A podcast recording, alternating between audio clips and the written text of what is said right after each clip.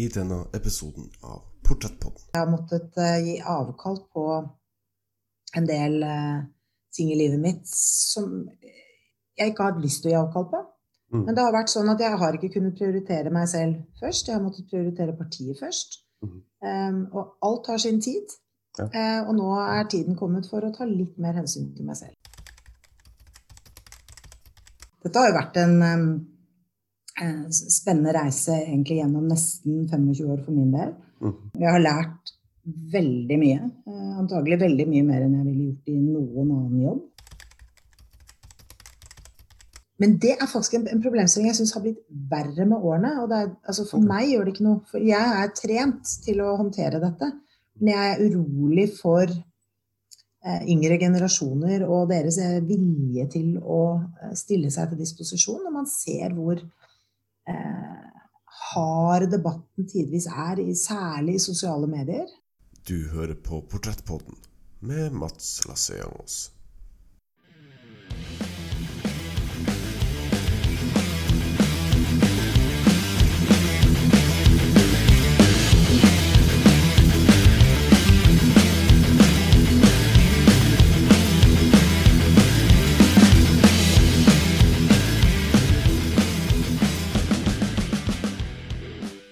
Det stemmer. Du hører på Portrettpodden, en podkast hvor jeg, Mats Lassiangos, intervjuer mennesker som inspirerer meg, som får meg til å tenke, og som hjelper meg å forstå mer av verden rundt meg. Gjest i denne episoden er Siv Jensen. I februar i år meddelte hun at hun er ferdig som partileder i Fremskrittspartiet, og ikke lenger skal stilles til gjenvalg på Stortinget. Etter 15 år i sjefsstolen er det på tide med nye utfordringer. I løpet av denne episoden prater vi om starten på hennes politiske karriere, jobben som partileder, veien videre og mye mer. Sjøl om man står langt fra hverandre på det politiske spekteret, så bærer alle på en interessant historie, og jeg er veldig takknemlig for at Siv Jensen tok seg tid til å dele sin med meg. Med det ønsker jeg dere riktig god fornøyelse, og her er Siv Jensen. På en pressekonferanse i februar da meddelte du at uh, etter landsmøtet i mai så skal du ikke lenger være partileder i Fremskrittspartiet. Etter 15 år i sjefsstolen, det er vel naturlig å starte med, med spørsmålet hvorfor kom den avgjørelsen nå? Det var en uh, veldig vanskelig beslutning for meg å ta. Uh, mm. Fordi jeg, jeg har jo um, viet store deler av livet mitt til politikk. Mm. Men samtidig så er det sånn at motivasjonen for å gjøre dette må være 120 mm. uh, Og jeg har gått og kjent litt på at uh, ja, jeg har hatt behov for å gjøre noe annet. Uh, når den følelsen kommer, så må man jobbe veldig mye med den. Um, så jeg har brukt lang tid på å komme til konklusjonen. Og samtidig så hadde jeg også behov for å ja, gjøre en del grep organisatorisk osv. i partiet før jeg faktisk kunne meddele at jeg ikke skulle ta gjenvalg til Stortinget, og at jeg derved også går av som partileder på landsmøtet i mai. Mm. Men som sagt, en vanskelig beslutning. Når jeg først tok den og kunne si det høyt, mm. så var det en lettelse, og jeg mener dette er en bra løsning både for partiet og meg. Mm. Det, det, også et oppfølgingsspørsmål så, hadde, så var det en lettelse å, å endelig komme med den, den uttalelsen. Så var det var det eh, befriende å kunne si nå, nå er jeg ikke lenger partileder? Jeg er jo fortsatt partileder, jeg er det til eh, mai. Men eh, ja, altså lettelsen besto nok mest i å kunne si det høyt. Mm. Fordi jeg har gått og båret på dette en stund selv. Og på en måte følt at jeg ikke har snakket helt ærlig da, med alle kollegaene mine. Eh, og det er jo noe jeg ikke liker. Eh, så eh, lettelsen besto nok først og fremst i å si det høyt, og også kjenne på at det var en riktig beslutning. Mm. Hvor, hvor, kom den, den uh, avgjørelsen fra? For det, som du selv sier, det, det var jo ikke en uh, impulsiv avgjørelse. Det har bygget seg opp litt over tid. Det er jo sånn det å være partileder og i toppolitikken er ikke noen 94-jobb. Det er faktisk ekstremt mye mer krevende enn mange kanskje tror. Det består i realiteten av jobb nesten døgnet rundt. Hele uka igjennom. Ferier, fritid, høytider. Det er alltid jobb. Mm. Og det har jo ført til at jeg har måttet gi avkall på en del ting i livet mitt som jeg ikke har hatt lyst til å gi avkall på. Mm. Men det har vært sånn at jeg har ikke kunnet prioritere meg selv først. Jeg har måttet prioritere partiet først. Mm. Um, og alt har sin tid. Ja. Uh, og nå er tiden kommet for å ta litt mer hensyn til meg selv. Mm. Og det er også som du også har sagt i, i andre uh, intervjuer siden den, den pressekonferansen i februar, at uh, nå har du mer tid til å være, til å være tante og søster, og da også ta, ta vare på hun som, som kommer om ikke så mm. altfor lenge. Så, for å ta litt, litt sånn uh, uh, morsomt spørsmål. Altså, blir det, blir det en, en, behagelig avveksling å, å uh, pottetrene en hund framfor å, å pottetrene dine politiske motstandere? ja. ja. Det blir definitivt en avveksling. Nå er det jo ikke noe venstrehåndsarbeid å skulle dressere en liten valp. Men det er i hvert fall et eh, Jeg gleder meg veldig til det. Um, og så er det noe med å ha tid til å ha hund. Um, jeg har ikke hatt den tiden. Derfor så har jeg jo igjen gitt avkall på noe jeg har veldig lyst på veldig lenge, nemlig å ha en hund. Uh, men det krever jo, ikke sant. Altså, de som er hundeeiere, må uh, forplikte seg. Um, de skal ha mosjon, de skal ha stell, de skal ha mat, de skal ha omsorg og kjærlighet. Og det kan man liksom ikke bare feie til side når noe annet kommer i veien. Så, og endelig så ser jeg jo den muligheten eh, by seg, og jeg gleder meg som sagt veldig til eh, lange turer i skog og mark med, med henne. Det har, det har, vært en, en, en lang, lang eh, eh, politisk karriere, 15 altså år som partileder, men også eh, tidligere eh, som, som, medlem i Fremskrittspartiet. Altså, hva, hva, har vært Eh, hva har vært det, det, du ser tilbake på nå som har vært det mest um, givende, kan man si? Det er ikke noe enkel jobb å skulle trekke frem én hendelse eller én ting. Fordi dette har jo vært en spennende reise egentlig gjennom nesten 25 år for min del. Mm. Jeg har lært veldig mye. Antagelig veldig mye mer enn jeg ville gjort i noen annen jobb. Um, og fått bruke mitt samfunnsengasjement da, til å gjøre samfunnet bedre for uh, enkeltmennesker.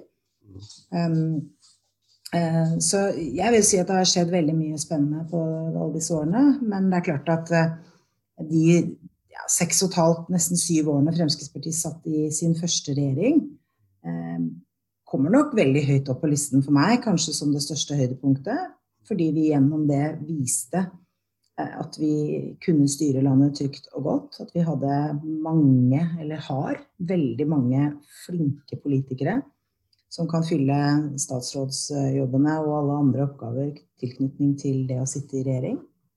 Eh, og jeg mener vi har eh, satt dype spor etter oss, som er fremskritt for innbyggerne. Mm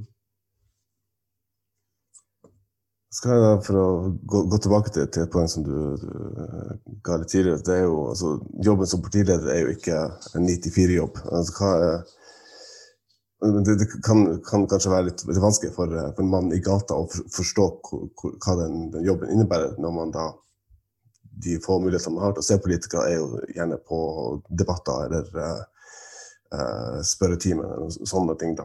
Uh, hva er det mest krevende i en jobb som partileder som kanskje den menige man ikke får se. Da.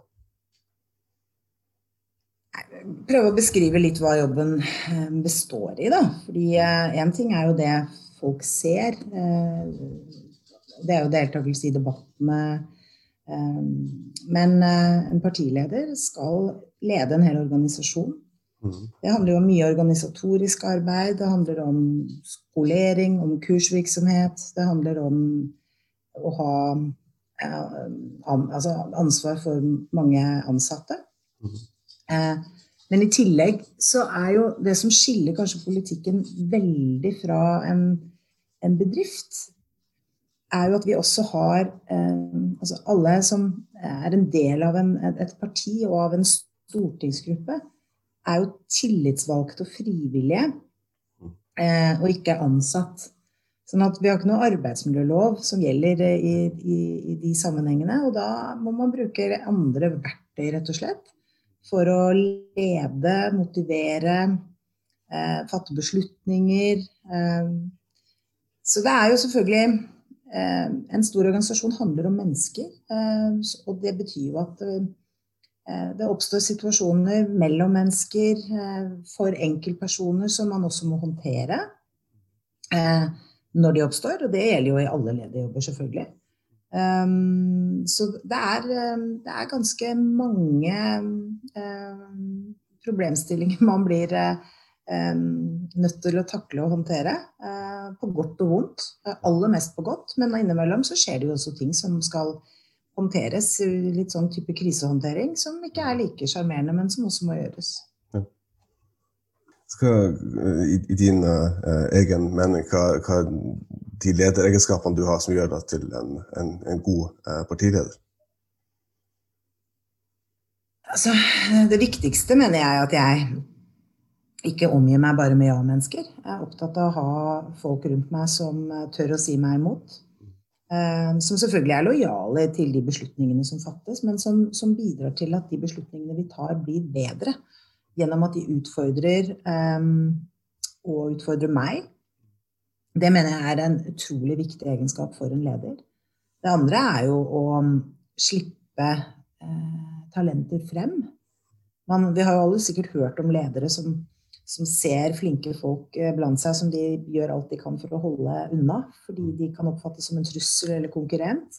Det mener jeg er en veldig dårlig tilnærming. Hvis man ser flinke folk, så skal man eh, pleie dem og slippe de frem. Um, for det er jo på den måten man sørger for at uh, det gror flinke folk rundt seg.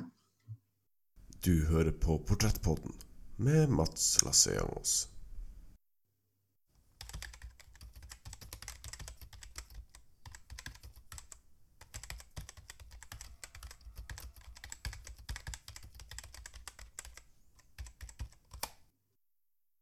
Spole litt, uh, litt tilbake til det altså, din politiske karriere begynner jo selvfølgelig ikke uh, rett på toppen som partileder. Uh, man må jo selvfølgelig i hvordan som helst annen jobb jobbe seg oppover. Um, så har jeg i tidligere uh, intervjuer og programmer på TV sagt at vi, vi, har, vi, har, din mor å takke for at du i hele tatt kom inn i, i politikken.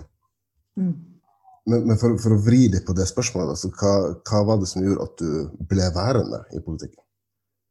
Først og fremst fordi det er spennende.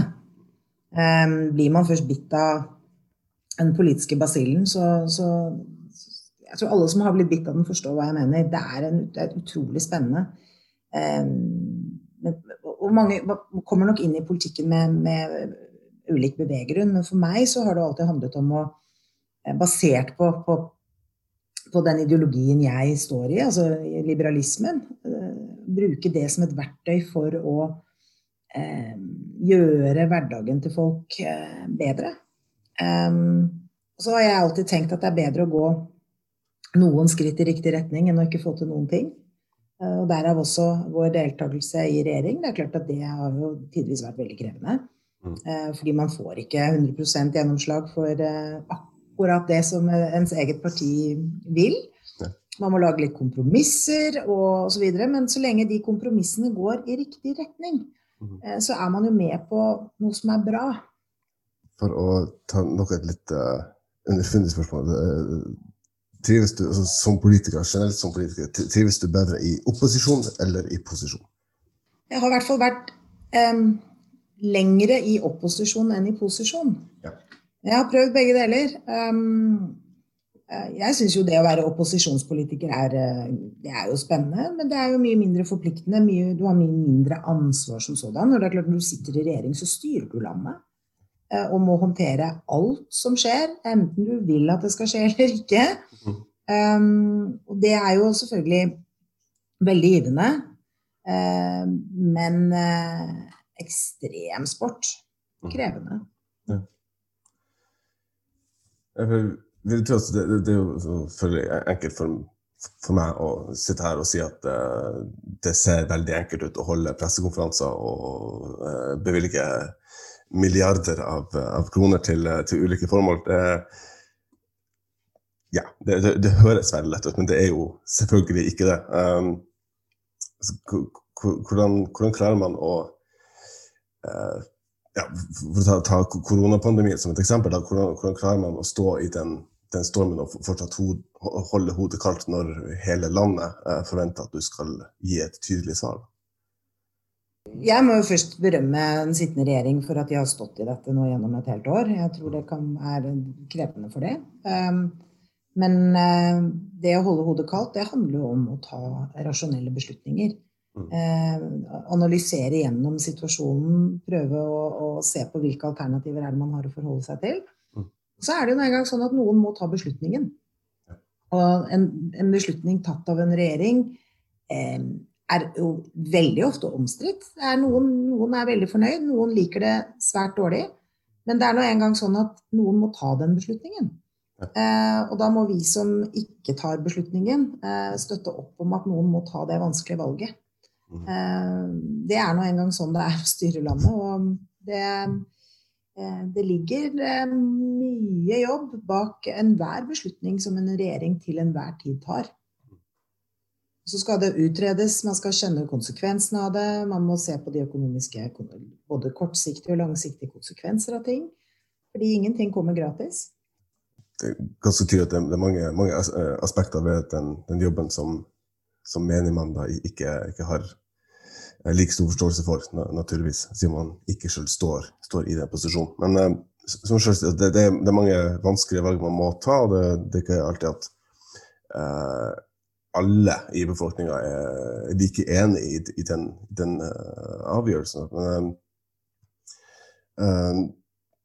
når man står i den stormen, for å bruke litt stort ord, da, når man får ubehagelige oppslag i media og sånn, hvordan altså, Klarer man å altså, oppbygge sånn egenskap til å bare børste det vekk når man får den kritikken, eller uh, bite seg fast etter hvert? Nei, altså Noe av det, det, som er fint med et demokrati, er at um, alle synspunkter skal kunne komme frem, og man må tåle at eh, det kommer synspunkter som ikke er i tråd med dine egne. Um, og det syns jeg er helt greit. Og jeg oppfatter altså, at, at, folk har andre syn. Det er helt ok. Vent, du, nå begynner jeg, skal, jeg må bare skru av oppvaskmaskinen. okay. Greit å ikke ha fem minutter med piping. ja. Helt i orden. Ja. Jeg føler det, det, er jo En del av det demokratiet er jo at uh, uh, man er ikke nødvendigvis er enig i, i alt, men uh, har det noen gang vært et punkt hvor du tenker at jeg skulle ønske jeg ikke hadde en, en like uh, profilert offentlig jobb hvor alle kunne mene hva de ville om, om det jeg måtte finne på gjøre?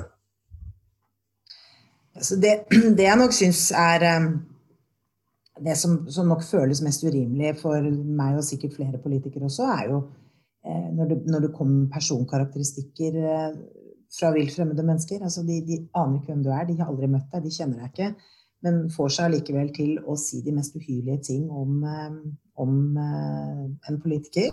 Mm. Men det er faktisk en, en problemstilling jeg syns har blitt verre med årene. og er, altså For meg gjør det ikke noe, for jeg er trent til å håndtere dette. Men jeg er urolig for yngre generasjoner og deres vilje til å stille seg til disposisjon når man ser hvor Eh, hard debatten tidvis er, særlig i sosiale medier. Eh, sosiale medier kan man si veldig mye bra om, men ulempen med det er at eh, det er ingen angreknapp. Det er ikke noe viskelær. Og veldig mye av det som skrives, skjer i affekt. Mm. Hvis du går liksom tilbake i tid, da. Før sosiale medier og før til og med internett og alt dette her, så var det jo fortsatt debatt i samfunnet. Eh, og debattarenaer også for folk som ikke deltok i politikken. Og ta et eksempel. VG hadde jo en sånn og Aftenposten òg, med sånn side i VG, hvor hvem som helst kunne skrive et leserinnlegg og uttrykke et syn. Det er klart, når du skulle gjøre det, så satt du gjerne hjemme på kvelden og hisset deg litt oppover et eller annet du hadde lest. Um, du måtte liksom skrive dette ned for hånd, og du fikk tid til å tenke deg om, for du måtte gå i postkassen og poster og sette på frimerke og alt mulig rart. ikke sant? Du hadde mange muligheter til den der angreknappen. Mm. Og jeg er sikker på at mange sånne innlegg ble kastet i, i søppelkassen i stedet for at de havnet i postkassen. Mm. Um, det filteret er borte. Ja. Det har liksom eh, både fordeler og ulemper at man er eh, såpass eh, direkte tilgjengelig som offentlig person. da. Mm. Ja, men jeg vil si for det aller meste så er det positivt. Mm.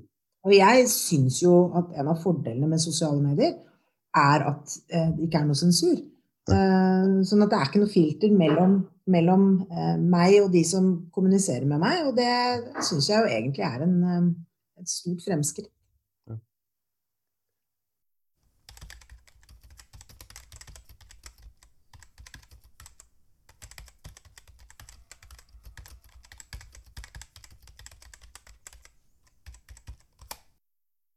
Apropos det at det ikke er eh, sensur på ting. Altså, hva, er, hva, er, det mest eh,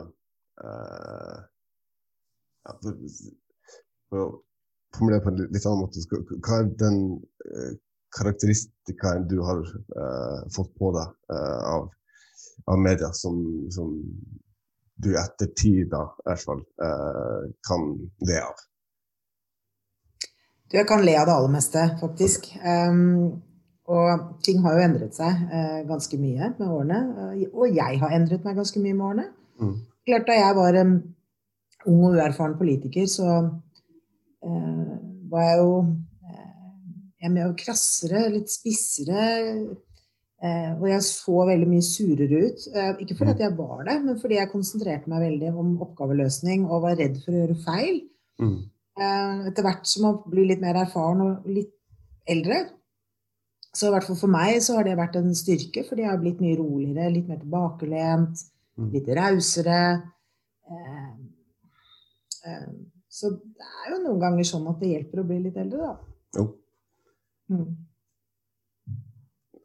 Så er det noen gang du ser altså, dine eh, litt yngre kolleger, og de havner i en, eh, en situasjon som, som, som, du har erfaring med, at du tenker at Eh, her, her, burde man kanskje eh, hoppe inn og, og gi noen, noen, eh, noen, noen, nyttige vink, i hvert fall.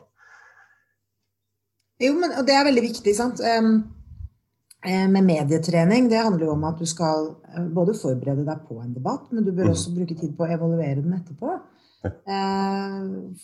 For det er jo gjennom det man lærer av sine egne feil. Um, eller ser forbedringspotensialet. Og det er nå engang sånn at alle, uansett hvor erfarne de er, blir bedre av å trene på oppgaveløsning. Ja. Jeg vil også si at det, det at man, man har eh, en såpass eh, relativt eh, lang politisk karriere, gjør det at man, man får eh, eh, tykkere hud, eller blir man rundere med, med, med tiden som går? Begge deler, tenker jeg. Mm. Eh, det ja, man får nok litt tykkere hud. Eh, men samtidig så havner man jo ikke alltid i de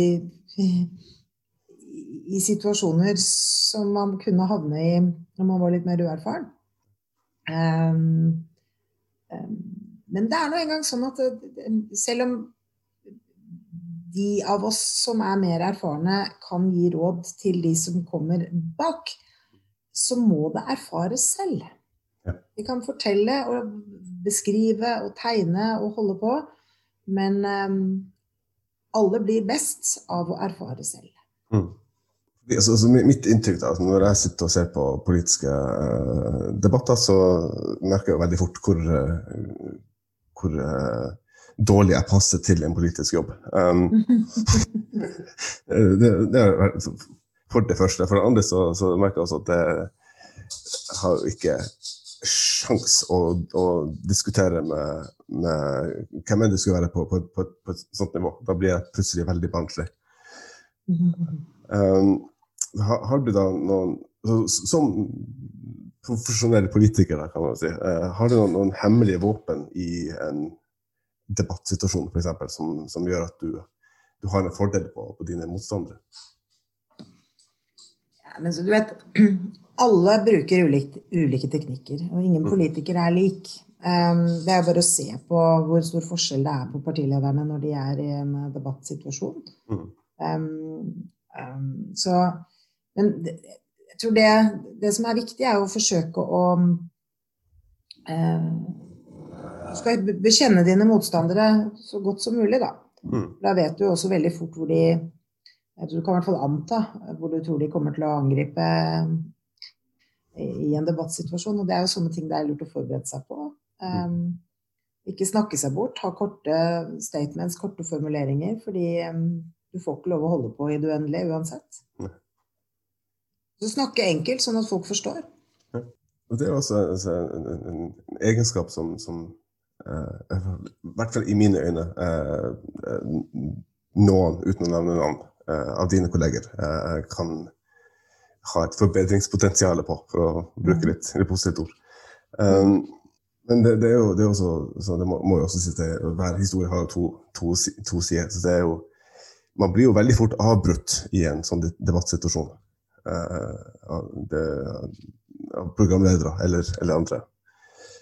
Um, er det noen gang du, du, står der og, og selvfølgelig smiler og, og uh, er, er, hyggelig, men, men, men innerst inne tenker jeg uh, det her er bare teit. Kan ikke jeg bare være så snill og få lov å uh, sette deg fast? Jo, den følelsen har jeg hatt mange ganger. Mm. Men uh, det verste, det dummeste du gjør, er å faktisk bli ordentlig sint. For da mister du kontrollen.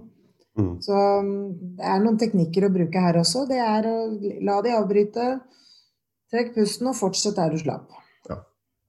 Det, det, det er for et godt råd til alle, uh, uavhengig om man er politiker eller ikke. Mm. Uh, som vi var inne på, så du uh, begynte jo ganske tidlig i, i politikken. Um, og det var i et uh, ikke bare i et parti, men også i en politisk verden som var veldig eh, mannsdominert. Um, når du kommer inn og er uh, den, den, den, nye, den, den, som er ambisiøs, som skal nå frem og som skal bli hørt Som tidligere inne på, du, veldig, du var redd for å gjøre feil. Uh, hva, hva, var den største utfordringa å, å, overvinne i, i begynnelsen? Altså, jeg, jeg var jo så heldig at jeg hadde Altså, det var Carl I. Hagen som var min sjef. Mm. Eh, og han, um, han, var veldig opptatt av å som han sa, kaste meg på dypt vann. For han sa det er bare da du lærer deg å svømme. Um, er veldig, veldig lurt å gjøre, fordi da må du bare mestre. Uh, og hvis ikke så blir, blir, du spist av ulvene, på en måte. Ja.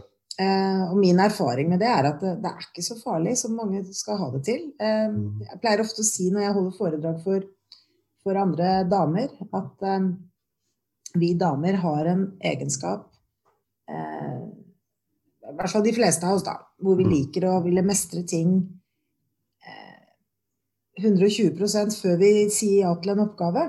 Mm. Mens dere gutta, dere nøyer dere egentlig med en sånn mestringsfølelse på 70, og så kaster dere dere ut.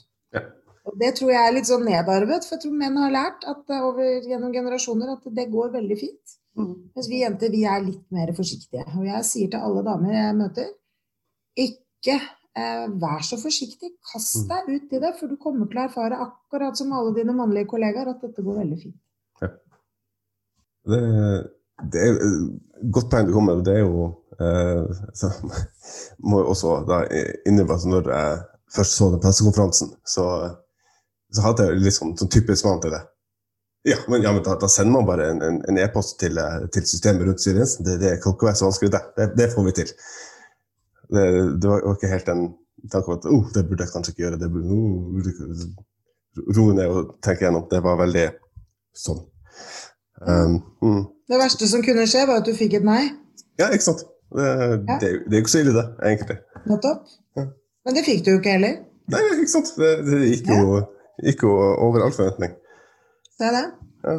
Um, hvis du tar, tar, utgangspunkt i, i, i deg sjøl, så har det blitt um, kanskje, kanskje, litt vel uh, åpent spørsmål, men, men, har det blitt enklere eller, eller tyngre å være uh, kvinnelig politiker i dag?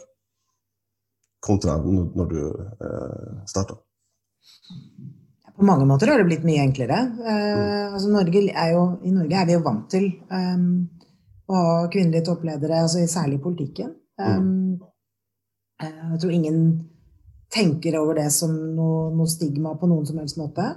Men uh, litt tilbake til det jeg sa i sted. Jeg, jeg, jeg frykter litt utviklingen i forhold til det litt harde ordskiftet.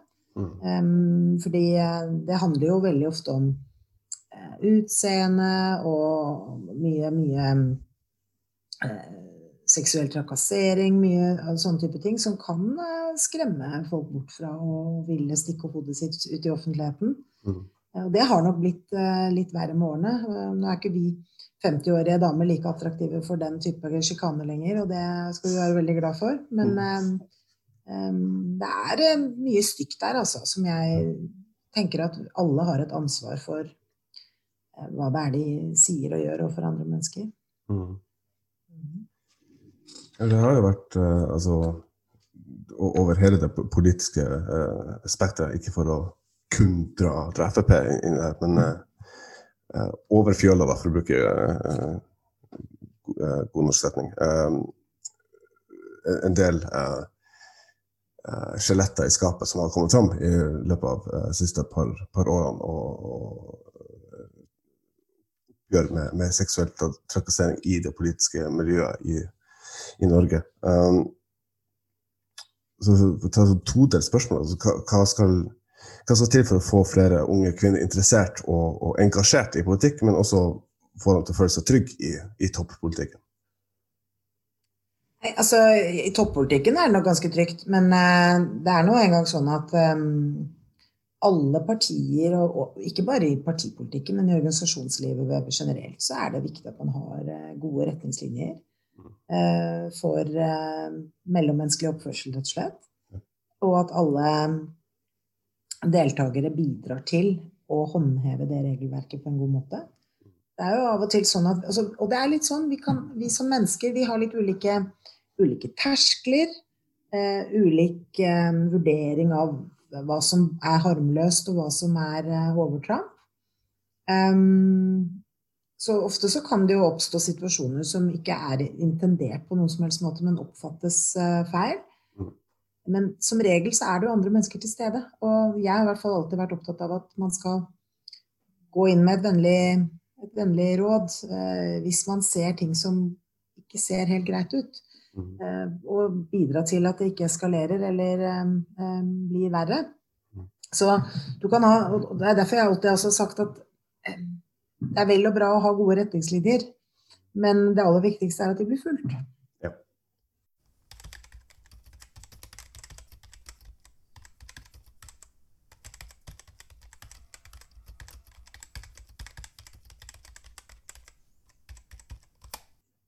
Altså det, det, er jo uh, mange uh, uh, kamper og, og, og, debatter man må ta, ikke bare, ikke bare seksuell trakassering, selvfølgelig, men, men også småting som, som kan virke små i, i øyeblikket.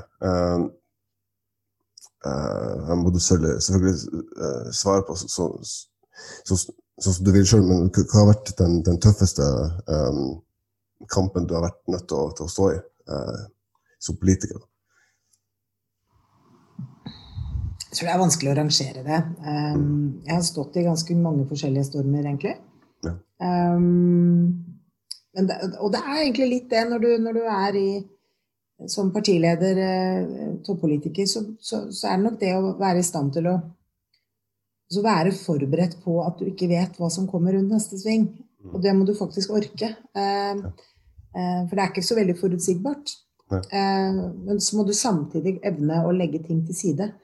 Eh, ta pauser. Eh, nyte de øyeblikkene som oppstår med ro og fred, og telefonen ikke ringer. Og, ikke sant? Så det er, man må være litt tilpasningsdyktig, og så litt, litt nedpå, tror jeg. Mm, ja. vil du tro at det, det, det, det, er viktig å finne de, de små, små, pausene i, i en veldig eh, hektisk jobb som, som, som sagt ikke er 94. Eh, ellers blir man jo eh, sinnssyk, vil, vil jeg tørre å påstå. Um, altså um, Uten å grave altfor mye, selvfølgelig, men hva, hva, er det, hva er det du har vært nødt til å, til å uh, ofre på, på, uh, av at du er partileder? Altså, det er ikke eksistensielt, dette. Det er mer de hverdag, hverdagslige tingene. At du går glipp av um samlinger med venner og familie som du gjerne skulle hatt med deg. Um, invitasjoner som du har takket ja til, og hvor du må melde avbud på overtid fordi du, det kommer noe i veien. Mm. Og da går man jo av hendelser i livene til folk rundt seg som man er glad i. Uh, for meg har det kanskje det har vært mer det over tid som, som har slitt på meg. Um, uh, fordi jeg, jo, jeg, har jo alltid sagt at jeg har vært veldig privilegert som har fått lov å gjøre dette. Og at jeg ville aldri vært dette foruten. Jeg er veldig, veldig glad og stolt og takknemlig for alt jeg har fått være med på. Mm.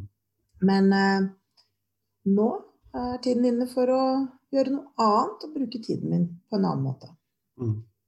Jeg sa også um, innledningsvis at uh, altså, uh,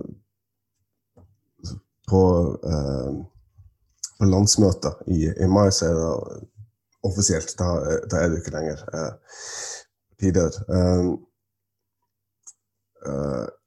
Blir det kanskje vanskelig å, å definere nå, da, men, men, blir det vanskelig å holde seg utenfor? Altså, har du den, den trangen til å, å ja, det her ville jeg gjort annerledes. her vil jeg... Eller tar du det helt med ro når du, når du gir slipp? Nei, Når man eh, gir stafettpinnen videre, så må man gjøre det ordentlig. Du kan ikke henge på som et sånt dårlig haleheng da. Mm. Eh, det er nå engang sånn at um, når en ny ledelse velges, så må den ledelsen få all mulig tillit og arbeidsro til å gjøre jobben sin.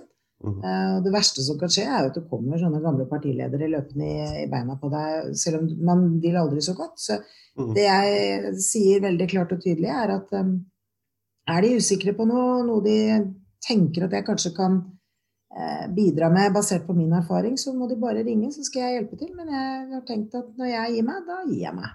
Da er det slutt. Jeg skal ikke nødvendigvis bruke denne tida til å eh, spekulere i hva, hva, hva, fremtiden bringer når du, når du, er ferdig i politikken, men eh, apropos gi stafettpinnen videre. Eh, du, du, overtok jo da eh, sjefsstolen, om det er lov å si, fra, fra Carl I. Hagen.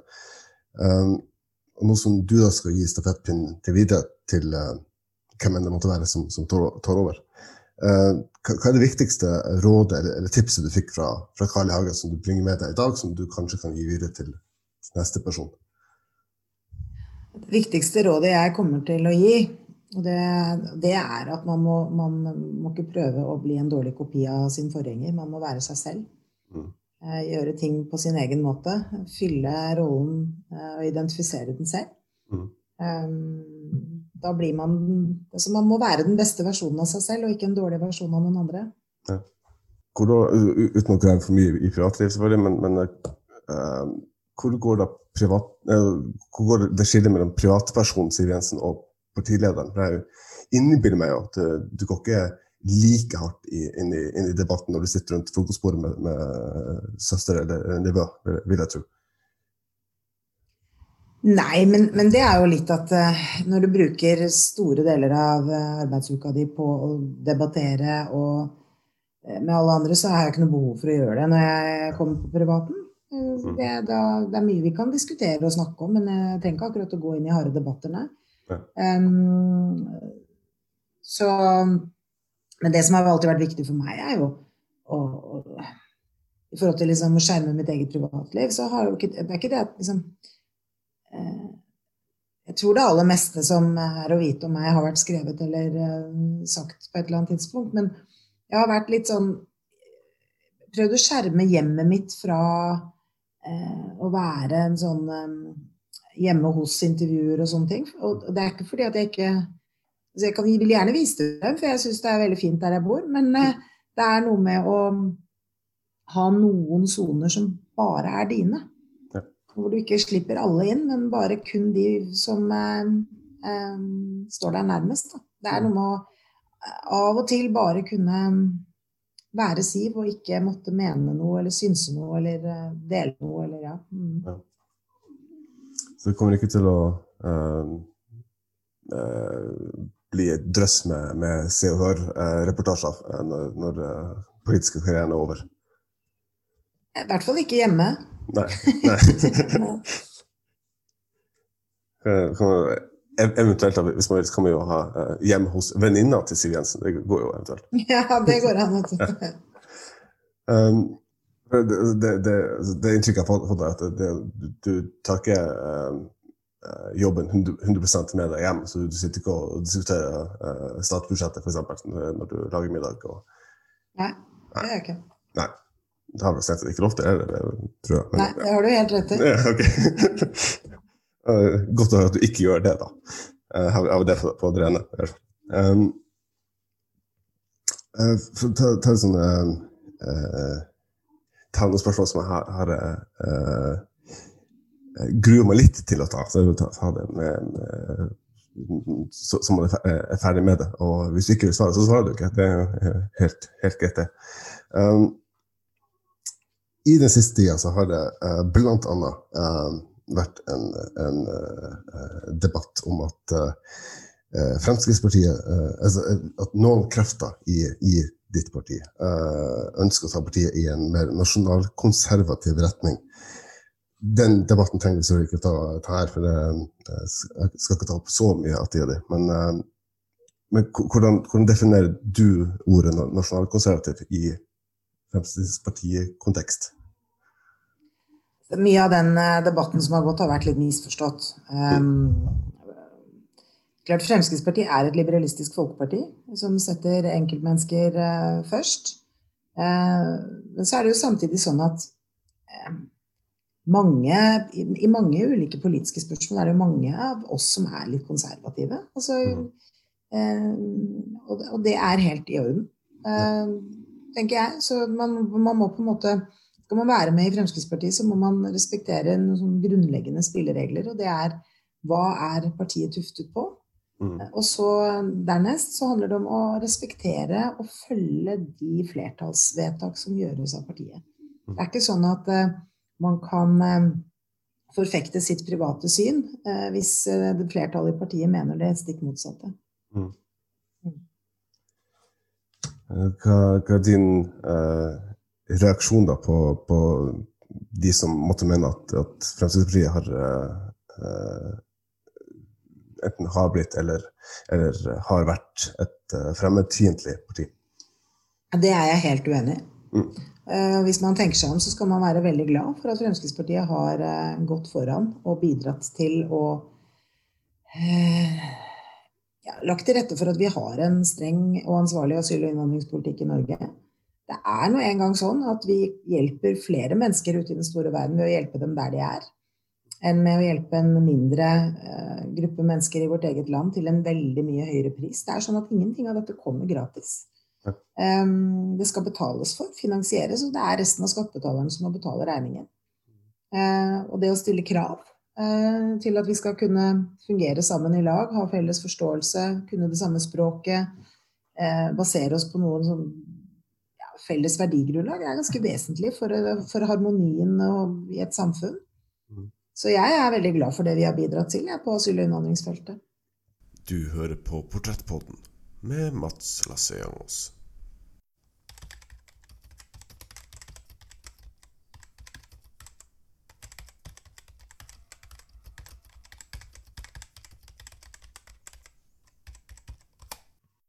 Begynner, begynner å avslutte snart, men uh, for å avslutte på litt, litt mer sånn uh, koselige, uh, lette spørsmål. Um, når du tenker tilbake for f.eks. Uh, når uh, Frp kom inn i regjering, og det var takk og farvel til Jens Stoltenberg. Skal ikke nødvendigvis legge ordet i munnen din, men har det vært noen, noen tidspunkt eller øyeblikk hvor du tenker at uh, skulle ønske at det her ikke var direktesendt TV? For du har, ja. sagt, du har sagt tidligere at du setter mer pris på direktesendt TV, for da, da, da, er man meg i hvert fall. Men uh, har det vært noen gang hvor du tenkte at oh, skulle ønske kameraet ikke var skutt på akkurat nå? Jeg har en følelse av at du sikter til Morna Jens. Det, det, det er mulighet for det, altså. Ja, og jeg har jo sagt noen ganger at det på ingen måte er et av mine stolte øyeblikk. Nei. Det er jo rett og slett sånn at for, for de Frp-erne som var i det rommet, så tror jeg alle forsto hva det var som foregikk. Ja. Men jeg, i min eufori der og da, eh, tenkte veldig lite gjennom hvordan dette ville fremstå hjemme i De tusen hjem eh, på andre siden av TV-skjermen. Um, og det jeg egentlig syns er verst med hele greia, er at den manglende rausheten jeg hadde overfor Jens Stoltenberg i øyeblikket. Fordi selv om han var en, er, altså alltid har vært en politisk konkurrent og motstander, så har jeg jo stor respekt for han, Og han hadde tross alt vært statsminister i åtte år eh, mm. når dette skiftet kom. Eh, jeg kunne ha kosta på meg en noe rausere eh, tale enn den jeg holdt akkurat da. Ja, altså må, må, må også si at at når man først står i, i den, den euforien, så er, så er, det lett å gi eh, altså, lett å bli, bli, bli litt, litt, impulsiv, og, og altså den, den, lykkerusen da eh, tar over for, eh, for den, den nøkterne, gjennomtenkte, eh, polit, den gjennomspikra politiske talen, selvfølgelig. Eh, jeg tror jo, altså, min mening er svart, at det, det hadde gjort akkurat samme hvis jeg var i din posisjon. Ja. Bare for å ha det på. Altså. Ja, det er greit. Men uh, jeg tror ikke du hadde følt det var ditt stolte øyeblikk heller, hvis du hadde gjort det. Så det er greit. Nei, nei det, det, det, hadde jeg kanskje ikke, men uh, ja. Um, skal, skal love skal ikke dra opp flere uh, slike øyeblikk. Um, for å ta, ta litt, litt, litt, større spørsmål. Altså, du uh, Det er da uh, slutt som, som, partileder etter, etter 15 år. Hva, hva, ønsker du skal være ditt uh, ettermæl som, uh, som, partileder? Altså um, Jeg tror nok mitt ettermæle kommer til å være at jeg um, tok partiet inn i regjering. Um, noe ingen trodde var tenkelig mulig før det faktisk skjedde. Uh, og eh, ga partiet styringserfaring. Um, fått vist partiet frem fra ulike sider. Um, og klart å uh, ja, levere gode valgresultater egentlig helt gjennomgående i alle disse 15 årene. Og mm. samtidig utvikle en organisasjon som fra tid til annen ønsker å gå i sin egen altså, med, med, så mange individualister da, som det ofte er i, et, altså, som er i vårt parti, så um, krever det av og til litt å få folk til å gå i takt. For det er mennesker som ikke liker å gå i takt. De liker å gå sine egne veier. Mm. Mm. Det var meget diplomatisk sagt. Uh, det, det, altså det, det, er jo ikke bare for, for Frp, det er jo for uh, alle parti og organisasjoner. også. Det man, med en gang man, man har mange, mange, personer som skal jobbe mot et mål, så går, går det kanskje ikke alltid i ei rett linje hele tida.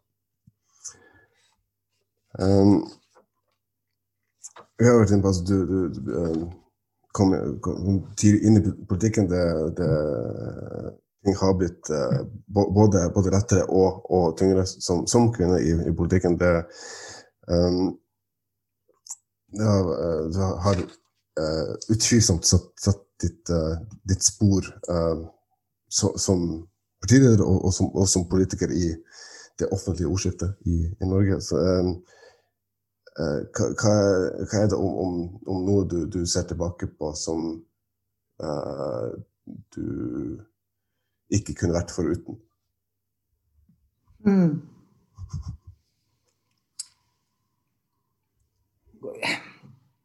Det er ganske mye, vil jeg si. Det, det er verdt det, som jeg har sagt mange ganger. Dette har vært en uh, lang og spennende reise. Men jeg har lært tror jeg, noe nytt hele tiden i løpet av alle disse årene. Og kan jo ta med meg ekstremt mye erfaring videre i livet inn i andre oppgaver, hva nå enn de blir, for det vet jeg ikke akkurat nå. Men det eneste jeg er helt sikker på, er at Fremskrittspartiet kommer til å leve godt videre med, med en god ledelse. Det er jeg helt sikker på. Den uh, viktigste egenskapen du, du, har lært gjennom uh, din politiske karriere, som du tar, tar med deg videre?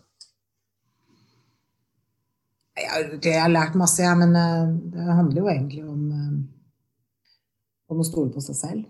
Mm. Fordi det er nå engang sånn det er å lede. At man må Det er jo ditt ansvar og din jobb å skjære gjennom og ta beslutninger. Eh, Særlig når alle rundt deg kanskje har veldig mange sterkt avvikende syn.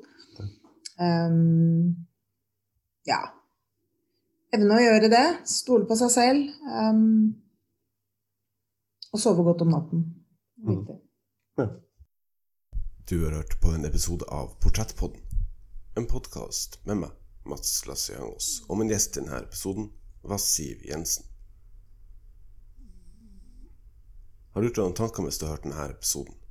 Har du ris eller ros eller tips til den skal komme, så kan du rette til Portrettpodden sine Facebook-sider.